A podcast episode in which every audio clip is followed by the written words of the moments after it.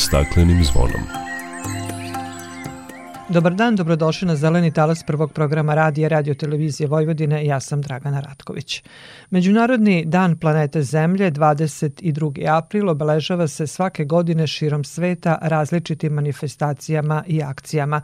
Tim povodom govorit ćemo o centralnom događaju Dana planete, virtualnom samitu o klimatskim promenama koji je organizovao američki predsednik Joe Biden o globalnoj borbi protiv klimatskih promena, o izveštaju WWF-a, Svetske organizacije za zaštitu prirode, o uticaju pandemije COVID-19 na zaštićena područja.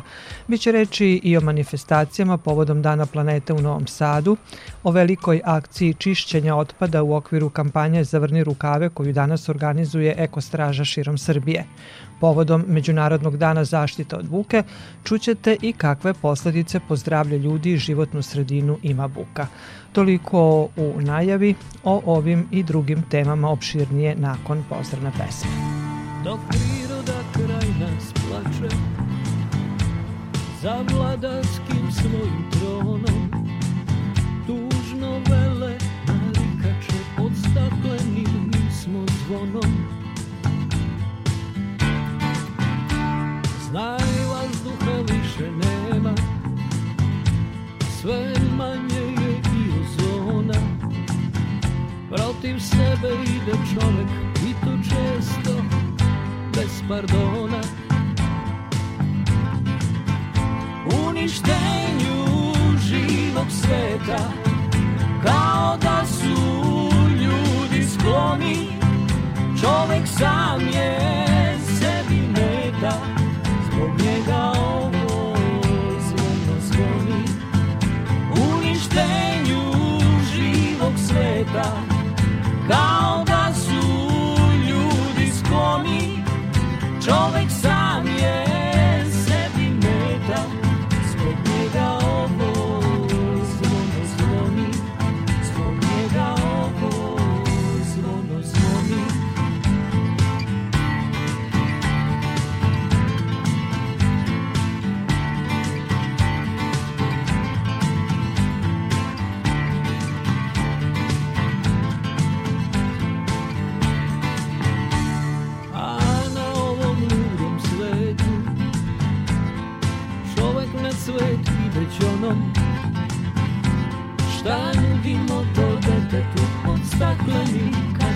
slonom Uništenju živog sveta Kao da su ljudi skloni Čovek sam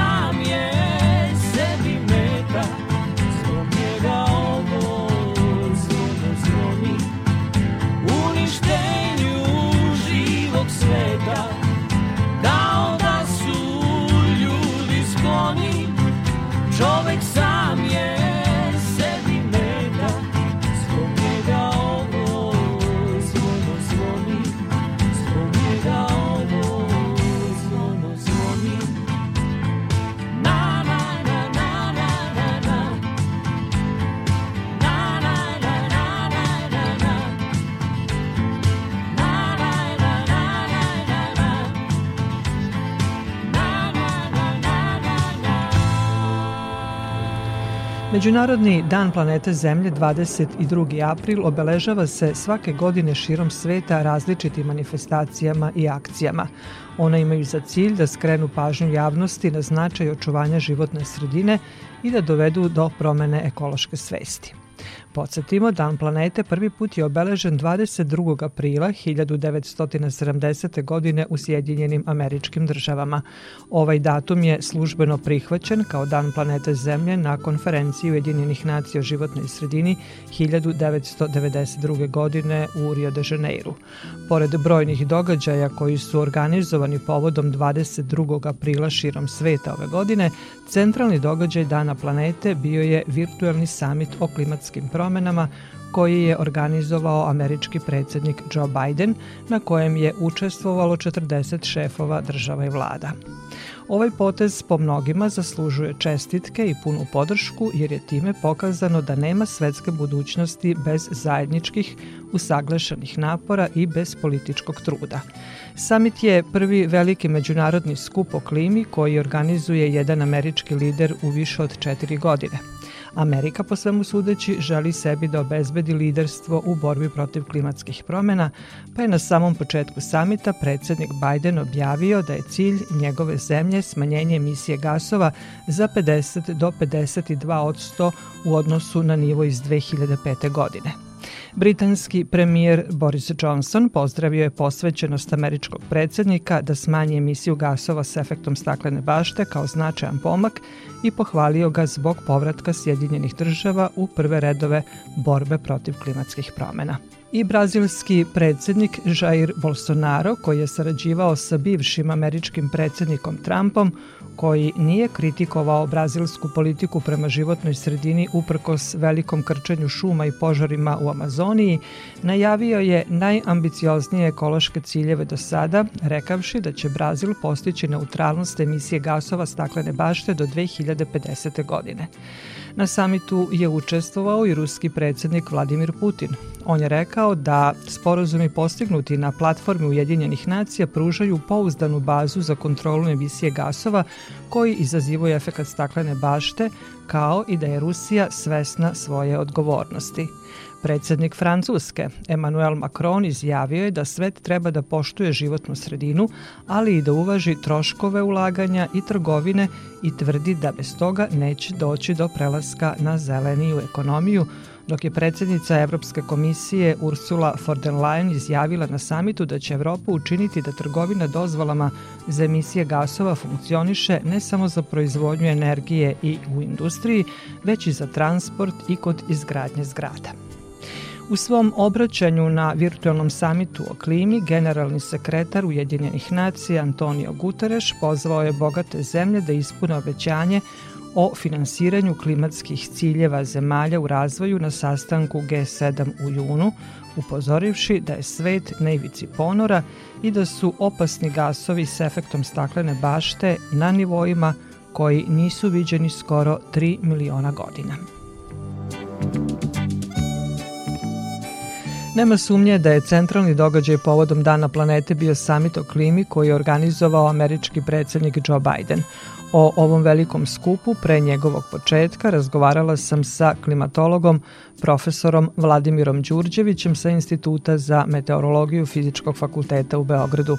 Moje prvo pitanje je bilo da li ima neke simbolike u tome što je samit o klimi organizovan na Dan planete čije obeležavanje je i počelo 1970. godine u Americi. Sigurno da ima. Jedan od razloga je to što Amerika pokušava ponovo da pozicionira sebe u globalnim pregovorima o klimi s obzirom da je malo izgubila tu neku lidersku poziciju tokom mandata predsednika Trumpa, tako da na ovaj način Amerika pokušava malo da se vrati u te neke tokove u kojima je bila pre 5-6 godina, a s druge strane upravo razni ekološki pokreti inicijative za veću brigu o životnoj sredini su potekli iz Amerike 70. godina u vreme kada su počeli da, na neki način da cvetaju razni civilni pokreti, otvarala su se razna pitanja manjina, rasne ravno ravnopravnosti rata u Vjetnamu, između oslog tada je otvoreno i pitanje o očuvanju životne sredine i znamo da, da su ti napori koji su tih godina ulagali da se ova tema podigne na lestvici političara, da su rodili plodom s obzirom da je nedugo posle, posle tih inicijalnih, da kažem, aktivnosti raznih civilnih pokreta usvojen bio čuveni zakon o, o kvalitetu vazduha, koji je naravno na kraju i rezultovao tome da, da se u Americi kvalitet vazduha drastično poboljša u decenijama koje su sledile. Tako da u tom smislu da ovaj sastanak ima i neku vrstu simbolike i podsjećanja na to to, da kažemo, odakle su krenule te inicijalne borbe za, za zaštitu života sredine pa i same planete. Klimatske promene nekako poslednjih godina naše su se u samom vrhu prioriteta najrazvijenijih zemalja i kao što rekoste, Amerika želi sebi da obezbedi liderstvo u borbi protiv klimatskih promena i da se nekako vrati u igru nakon što je bivši američki predsednik Donald Trump istupio iz Parijskog e, sporazuma. Na ovaj summit e, o klimi pozvan pozvano je 40 zemalja, od kojih su neke teško pogođene klimatskim promenama, neke uspešno ostvaruju klimatske ciljeva, neke zaostaju u tome. Parijski sporazum znamo da su potpisale skoro sve zemlje sveta, možda nekoliko samo njih i dalje nisu ratifikovale taj sporazum, tako da očigledno postoji jasan poziv na globalnu akciju i da su verovatno te velike i uticene zemlje zainteresovane da učestvuju u tim pregovorima bez obzira na razne druge suglasice koje postoje. Takođe znamo da će se ove godine doći do neke vrste revizije Parijskog sporazuma u cilju da, da se približimo tome što jeste cilj Parijskog sporazuma, a to je zaustavljanje porasta globalne temperature na 2 stepena. Mi smo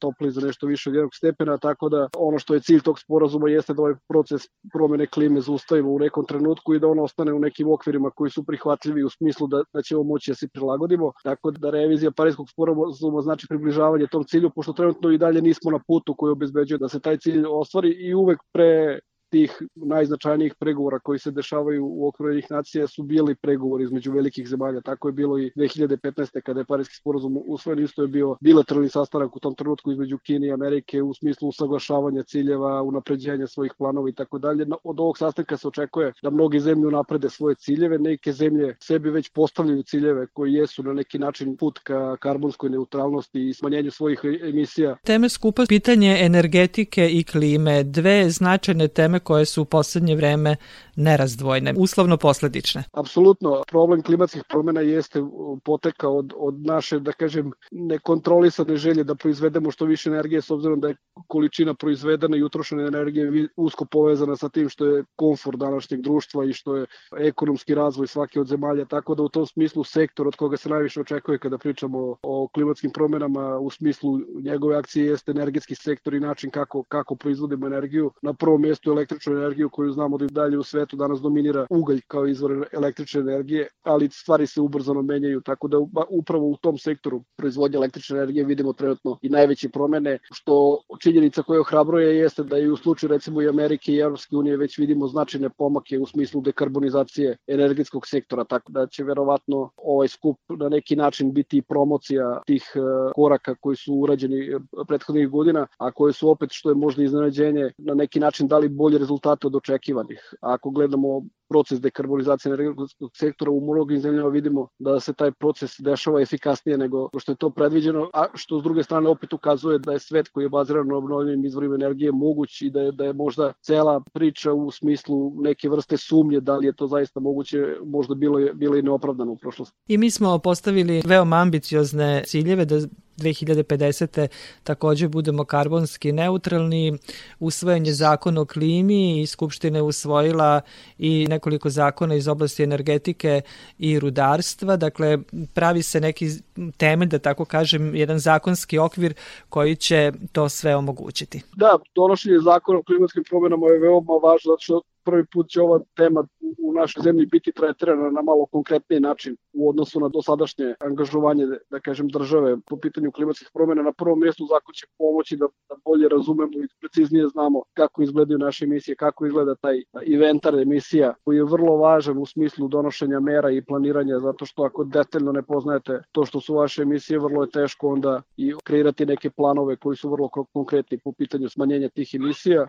Tako da u tom smislu usvajanje zakona predstavlja jednu vrstu značajnog pomaka. Naravno i dalje ostaje pitanje primene tog zakona, pošto smo bili svedoci u prošlosti često i to često čujemo da imamo dobre zakone, da se najčešće ne primenjuju, ali vidjet ćemo, znači pred nama je očigledno taj put koji će nam pomoći da se ovom temom ozbiljnije bavimo. Po meni lično pitanje je samo da li će uspostavljanje tog puta doći ranije ili kasnije, što pre budemo zauzeli jedan, da kažem, čvrsti i konkretni stav po ovim problemima, verovatno ćemo u budućnosti biti efikasniji u implementaciji odgovarajućih politika. Povodom e, dana planete, jedna vaša poruka kada je reč o borbi protiv klimatskih promena? Jedna od poruka koju ja šaljem poslednjih godina jeste da informisanost veoma važna, tako da poziv je da možda od ove godine i dana planete Zemlje svi malo više posvetimo svog vremena u smislu edukacije o problemima životne sredine i klimatskih promena. Gospodine Đurđeviću, hvala vam e, lepo za razgovor. Hvala vama.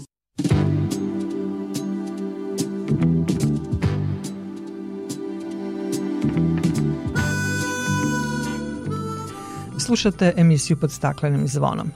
Poslednjih stotine godina planeta Zemlja doživela je veće zagađenje nego milionima godina unazad. Neodgovorno ljudsko ponašanje dovelo je do klimatskih promena, do efekta staklene bašte, do globalnog zagrevanja, do nestajanja mnogih biljnih i životinskih vrsta sa lica Zemlje. Ekološki problemi na našoj planeti danas su mnogo veći nego pre 51 godinu kada je počelo obeležavanje ovog dana. Ako čovek i dalje nastavi sa neodgovornim ponašanjem, preti nam borba za opstanak.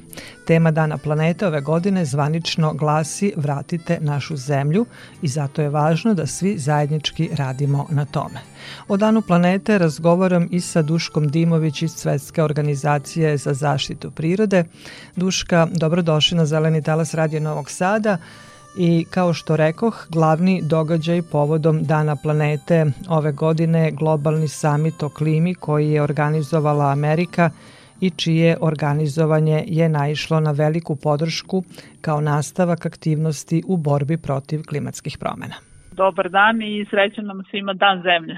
Ovo je sve i u cilju pripreme za konferenciju zemalja potpisnica okvirne konvencije Ujedinjenih nacija o klimatskim promenama koji će biti u Glazgovu u novembru ove godine koji će isto biti veliki politički događaj i upravo je ovaj samit podrška i američkim državama, jer Američka je zapravo čitav kontinent sa 50 država i čitavom svetu da se ujedinimo, e, jer ono što se očekuje da se ta obećanja da se smanje emisije zapravo ispune i bitno je da smanjimo pregrevanja naše planete više od 1,5 stepen. Znači, to se očekuje od Glazgova i ono što isto plan koji ne treba samo planirati nego i sprovesti je da do 2030. emitujemo globalne emisije gasova koji izazivaju efekt staklene bašte na pola i da do 2050. što je zaista ambiciozno postanemo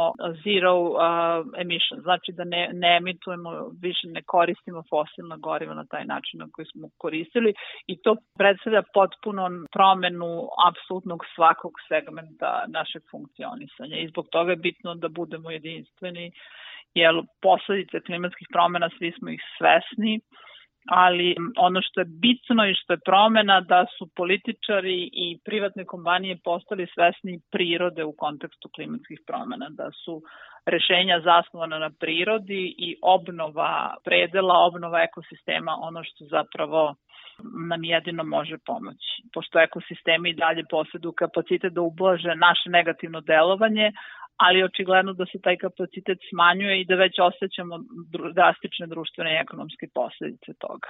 Nisu samo klimatske promene te koje utiču na život na planeti, tu su i mnogi drugi ekološki problemi i kao što rekao smo na početku, tema Dana planete Zemlja ove godine zvanično je vratite našu zemlju. Naučnici širom sveta stalno upozoravaju da ako ne budemo bolje vodili računa o planeti, rizikujemo da se pojave još e, smrtonosniji virusi nego sa ovim kojima se danas borimo.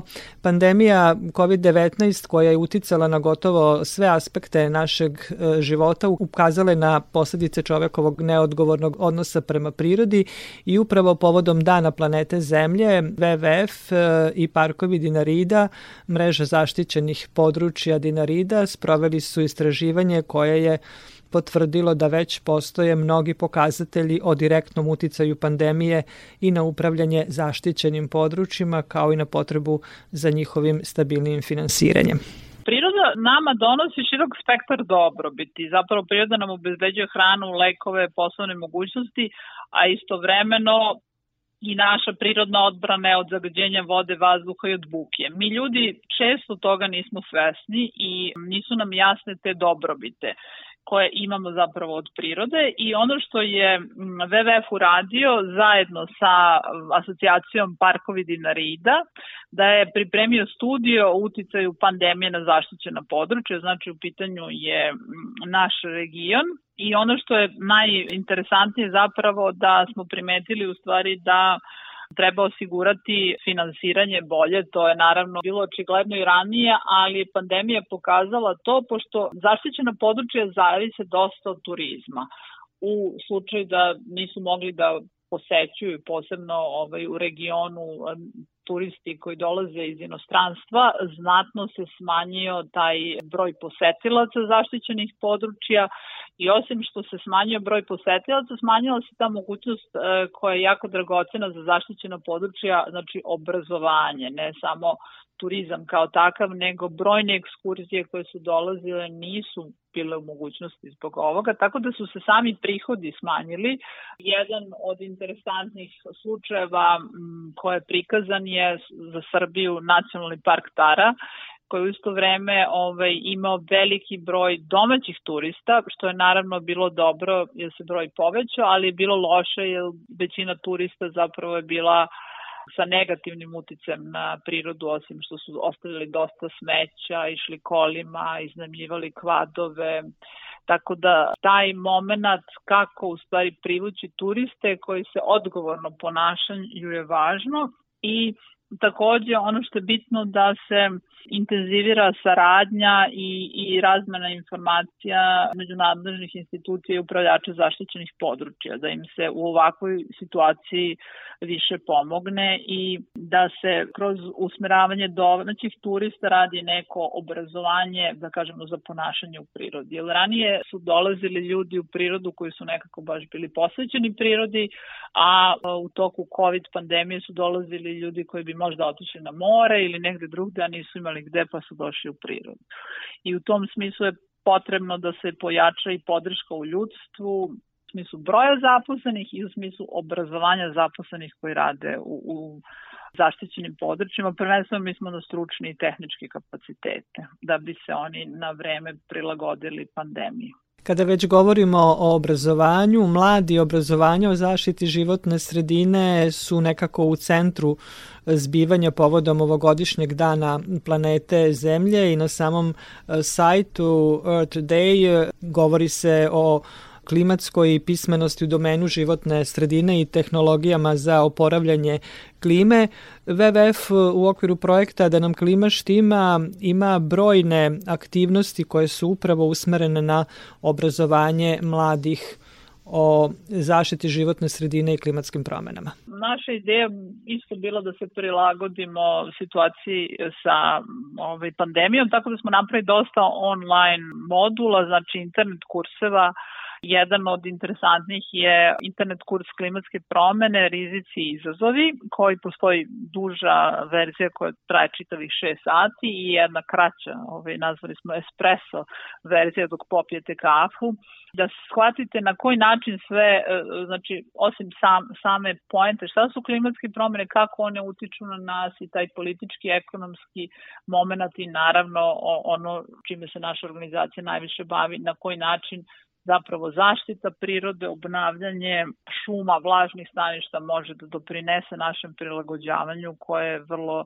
jasno da je neophodno. Takođe smo radili četiri internet kursa, obuke za edukatore koji su kasnije radili sa nastavnicima škola. Do sad je prošlo našu obuku 150 nastavnika koji će u školama sprovoditi naše kurseve i podeljeni su na četiri tematske celine. Prvo, razumevanje klimatskih promena, koji su ti ključni koncepti, kako da se zapravo prilagodimo, jer to zvuči dobro, prilagodite se, ali šta to zapravo znači? Razumevanje koliko smo mi zapravo ranljivi i na koji način klimatske promene utiču na divlji svet, znači biljke i životinje. Tako da Smatramo da jednostavno taj neki sistemski pristup i integrisanje u kurikulume, u škole i saradnja s univerzitetima koje smo počeli dragocena, jer je važno da što više ljudi i kad shvati šta se dešava, zna šta treba da uradi. Duška, hvala lepo za razgovor i učešće u programu Radio Novog Sada. Hvala vama.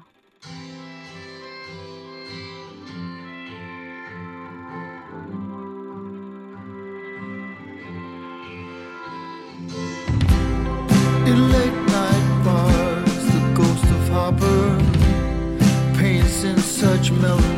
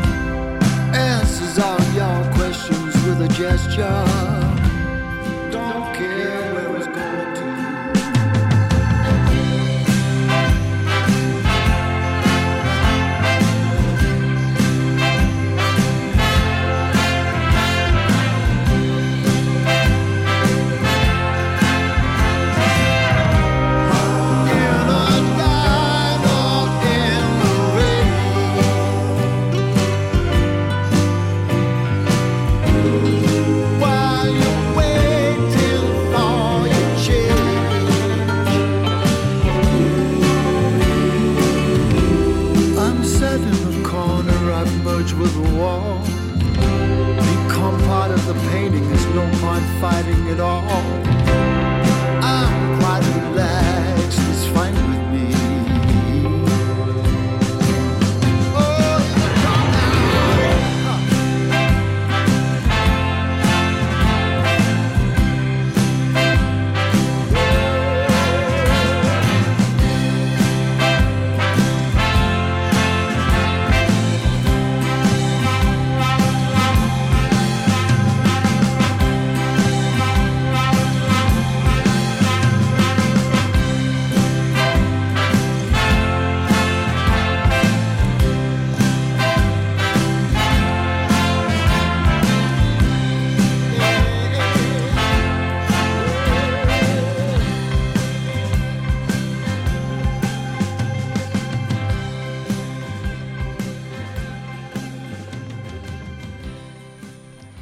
Slušate emisiju pod staklenim zvonom. Povodom Dana planete Zemlje održane su razne manifestacije u Novom Sadu. Manifestacija Neko tvoj održana je na Spensu kako bi se podigla svest sugrađena za odgovorni odnos prema prirodi. Dan planete predstavlja povod da se preispita i odnos prema planeti i zato je akcenat ove godine stavljen na obrazovanje mladih o zaštiti životne sredine kako bi se u budućnosti zaustavile ili ublažile posledice destruktivnog delovanja čoveka na životnu sredinu. O ovoj manifestaciji izveštava Željana Ostojić. Pandemija je razlog više da se istakne značaj ekologije, objašnjava organizatorka manifestacije iz udruženja Želja Maja Bolehradski i dodaje da je edukacija najmlađih ključna kako bi na vreme razvili svest o očuvanju prirode. U tom duhu predstavljena je tematska ekološka izložba osnovaca i mališana iz predškolskih ustanova. Prvi ekolog Poglavice Seattle rekao da su odrasli planetu pozajmili od svojih potomaka. Tako da će u tom duhu biti jedna veoma vedra i optimistična priča gde su mališani napravili na temu prirode i maštovita sunca, vetrenjače, strašila, e, likovne radove, sve sa željom da odrasle sačuvaju planetu za njih. Ono što e, je stvar naše teme i naše poruke kao neko ko se bavi decom je to da mi želimo lep život, lepu prirodu, lepu budućnost. Centralni deo eko manifestacije bila je humanitarna akcija za prikupljanje donacija u hrani i novcu za veterinarske troškove za pse i mačke sklonjene sa ulice o kojima brine prihvatilište Dobra Nada. To prihvatilište se nalazi na salašu nadomak Novog Sada, o kojem je preko 20 godina brinuo Laslo Boka uz pomoć svoje prijateljice Snežane Zelenike. Nakon što je Laslo preminuo prošle godine, Snežana brine sama o azilu koji ima 64 psa i 18 mačaka – Iz tog razloga, organizatorka je odlučila da brigu o životinjama bude glavna tema ovogodišnje eko manifestacije Neko tvoj, ali i budućih planiranih aktivnosti. Ono što je dodatno interesantno, to je da je ovo uvod za 5. jun, kada je Svetski dan zaštite životne sredine i e, sa srednjim školama, gimnazijama i fakultetima dogovaramo da se formira jedan jedinstveni Eko Art, volonterski tim grada, koji će na određene teme, koji su zaista realni problemi, davati kreativno rešenja. U ovom slučaju će biti, mi smo to šaljivo, kažemo kako udomiti Džekija, Džek je simbol napuštene kuce, tako da će se napraviti za svaku kucu po osob jedan divan marketinški plan kako da nađe odgovornog udomitelja.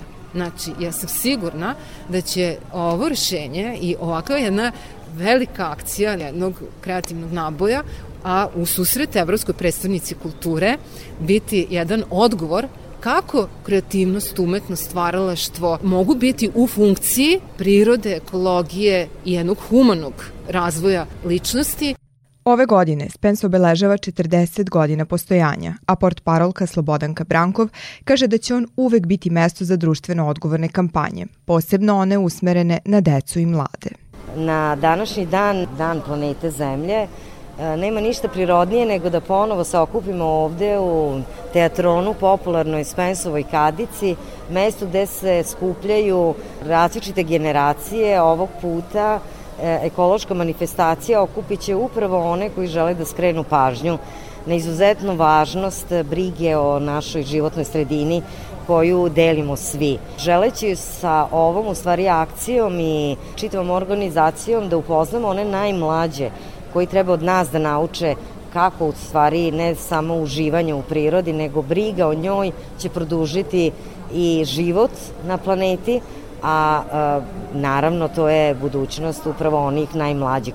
Inicijativa obeležavanja Dana planete, ustanovljenog 1970. godine u Sjedinjenim američkim državama, obeležava se širom sveta od 1992. i postala je globalni podsticaj za akcije rešavanja ekoloških problema današnjice.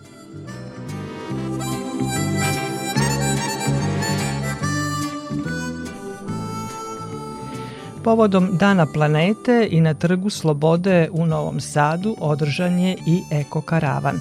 Građani su bili u prilici da donesu i odlože otpad u kante za staklo, papir, plastiku, biootpad i metal. Organizatori iz udruženja Čepom do osmeha kažu da ima mnogo novosađana koji razumeju kako je razvrstavanje otpada važno i koji sve više žive po principima održivosti. O tome Ilijana Berber. Eko karavan obilazi sve delove Novog Sada i, kako kažu organizatori iz udruženja Čepom do osmeha, edukuju stanovništvo o značaju primarne selekcije, odnosno razvrstavanja otpada i to počevši od domaćinstva.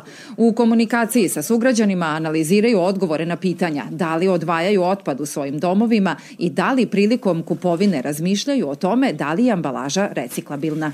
Konkretno u mom kvartu postoji e, za ambalažni otpad odvojeno i za komunalni otpad ovaj odvojeno, što po meni nije dovoljna separacija, ali ovaj, drago mi je da postoji neko ko je napravio detaljnije. Papir. Šta si još bacala? I aluminiju. U sklopu akcije dostupni su bili jasno odvojeni kontejneri po bojama gde je odlagan separisan otpad, a mnogi sugrađani su se informisali o reciklaži. Mi smo ovde na inovativan način se potrudili da u šarenim kantama privučemo pažnju i najviše onih najmlađih, ali uspevamo e, da privučemo sve građane Novog Sada i svakodnevno se u našoj Čirpanovoj 25 donosi razne vrste otpada gde građani separatišu otpad, učimo ih šta je to primarna separacija, šta je je to zelena kupovina. Ljudi su zaista zainteresovani i stalno nam stižu i pitanja i pozivi, dolaze ispred našeg udruženja i vrše separaciju otpada.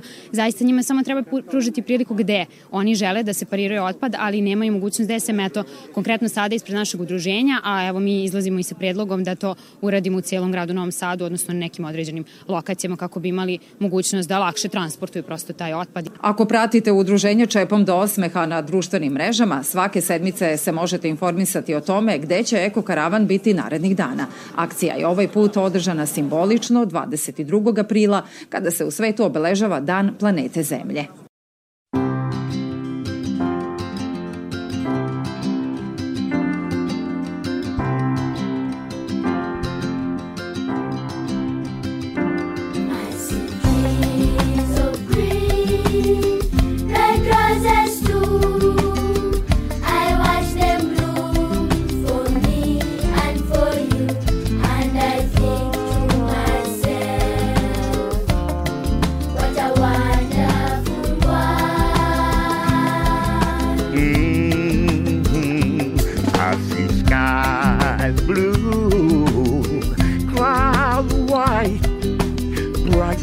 Days and the dark secret night, and I think to myself,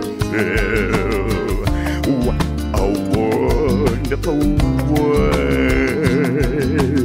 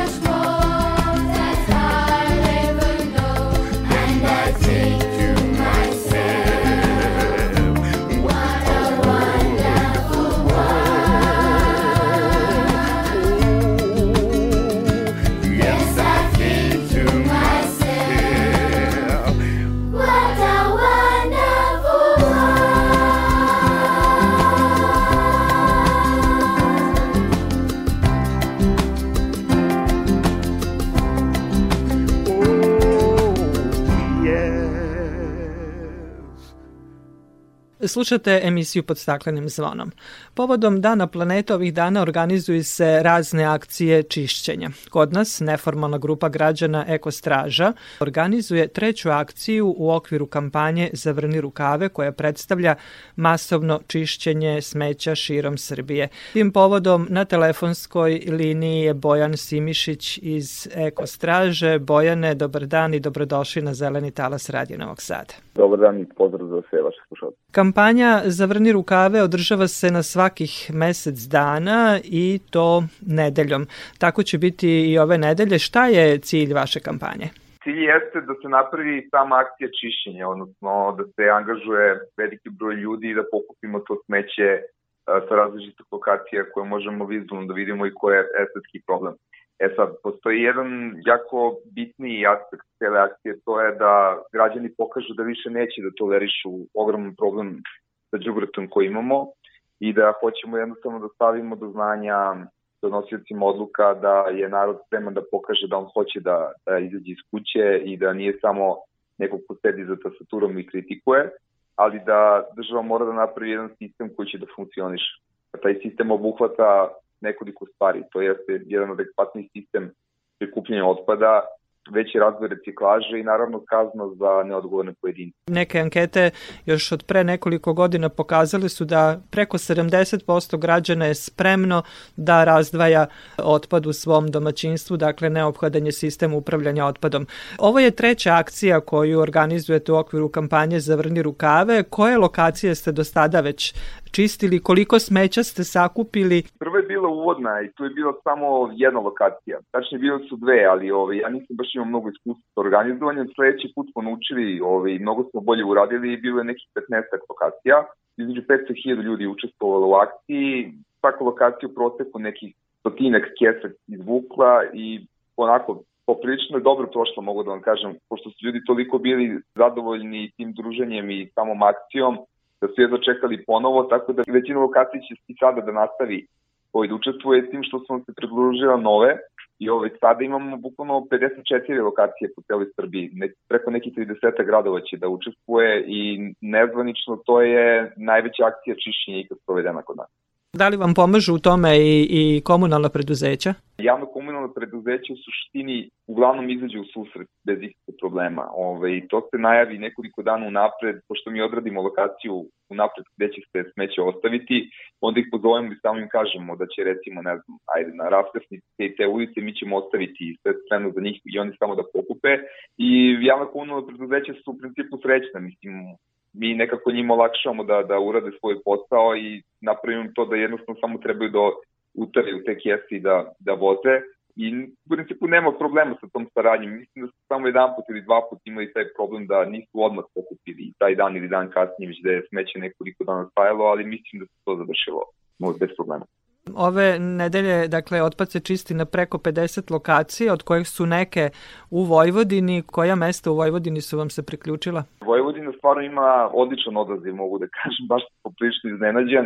Sem naravno Novog Sada, bit će akcija u Sremskoj Mitrovici, bit će u Rumi, bit će u Zrenjaninu, bit će u Kuli, bit će u Ruskom Krsturu, Putogu, Kikindi, Vršcu, mislim da je oko 15 različitih mesta u Vojvodini. U Novom Sadu će biti čak na tri mesta. Biće oficirac, Dunavac i na veternici. S obzirom da smeća imamo svakoga dana sve više i tamo gde se očisti na tim lokacijama se ponovo pojavljuje smeće, do kada će ova vaša kampanja trajati?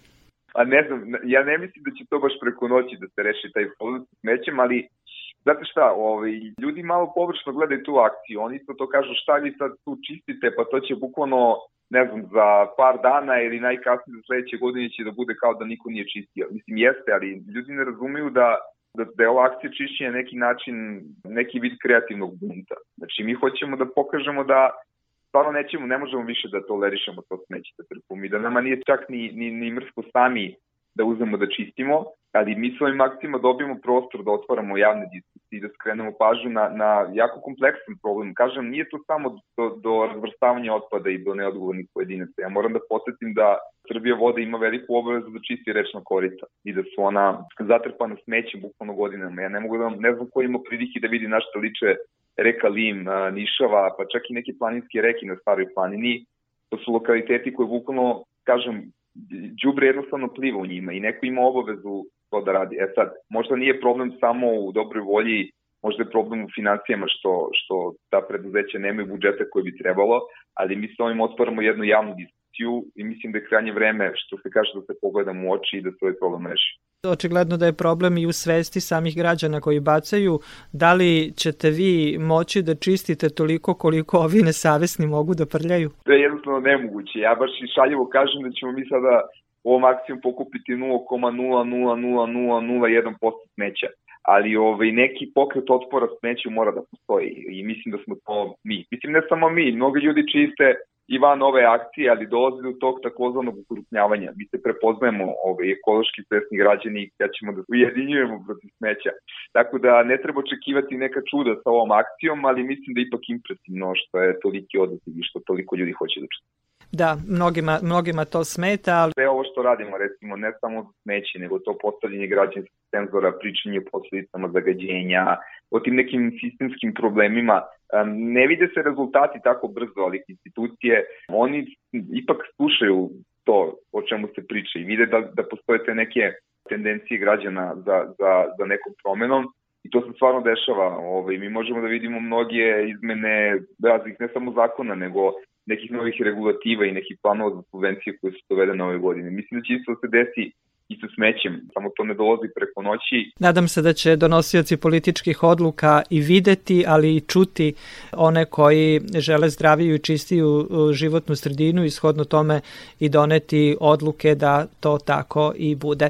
Bojane, hvala vam lepo za razgovor i učešće u programu Radio Novog Sada. Samo recite, akcije počinje u 10 časova? Jeste, 10 časova na svim lokalitetima, baš da ne bude zabune. Hvala puno.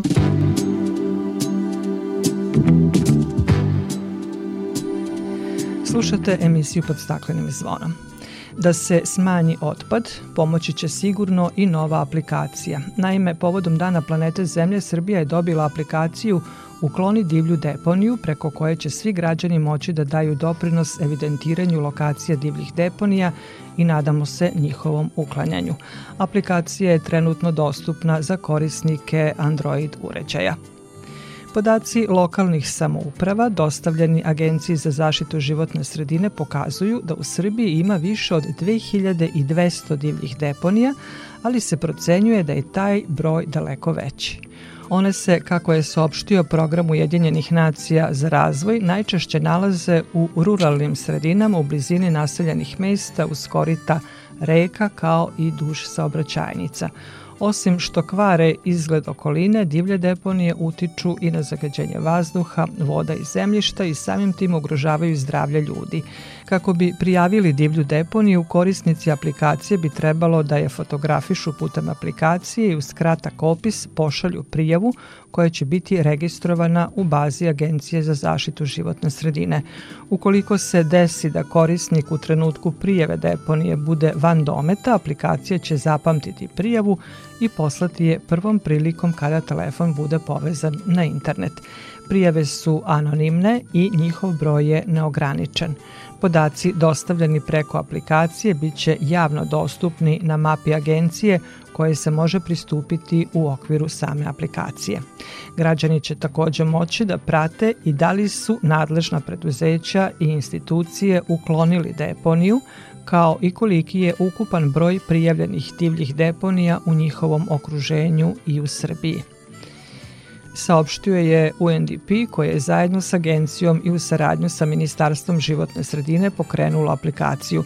Aplikacija je izrađena u okviru projekta Lokalni razvoj otpora na klimatske promene koji sprovodi UNDP sa Ministarstvom i uz finansijsku podršku Globalnog fonda za životnu sredinu.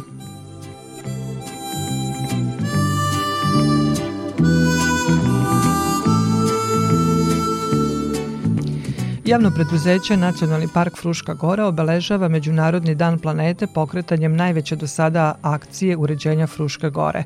Akcija Fruškovanje 2021. počela je 22. aprila i trajaće do 24. maja kada se obeležava Evropski dan parkova i podrazumeva uključivanje javnosti u rad javnog preduzeća Nacionalni park Fruška Gora kroz zajedničke aktivnosti na terenu sa ciljem buđenja svesti i savesti javnosti o značaju zaštite životne sredine. Nacionalni park Fruška Gora poziva sve građane, organizacije i udruženja da se priključe akciji Fruškovanje 2021. kako bi Fruška Gora zablistala kao prava panonska lepotica. Slušate emisiju pod staklenim zvonom.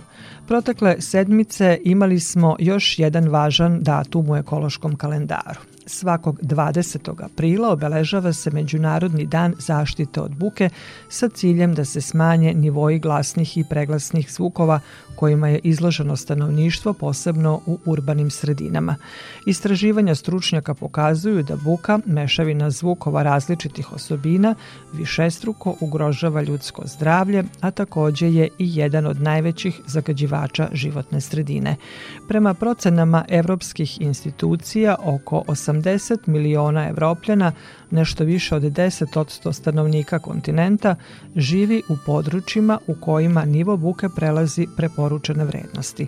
Buka u gradovima ne dolazi samo iz kafića i klubova, već su to i oni zvukovi koji potiču od saobraćaja i prevoznih sredstava, industrijskih pogona, gradilišta, teških mašina. Prema podacima Svetske zdravstvene organizacije, od posledica buke godišnje umre desetine hiljada ljudi. Osim najgorih smrtnih posledica, izloženost buci na duže staze može između ostalog da izazove porast krvnog pritiska, nesanicu, nagluvost i kardiovaskularne tegobe.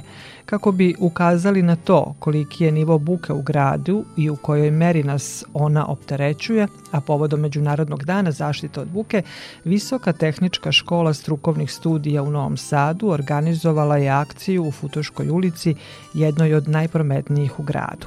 Prema rečima profesora i učenika ove škole, jedan od načina da se smanji nivo buke je taj da se povećaju zelene površine u gradu i da se na posao ide peške ili biciklom.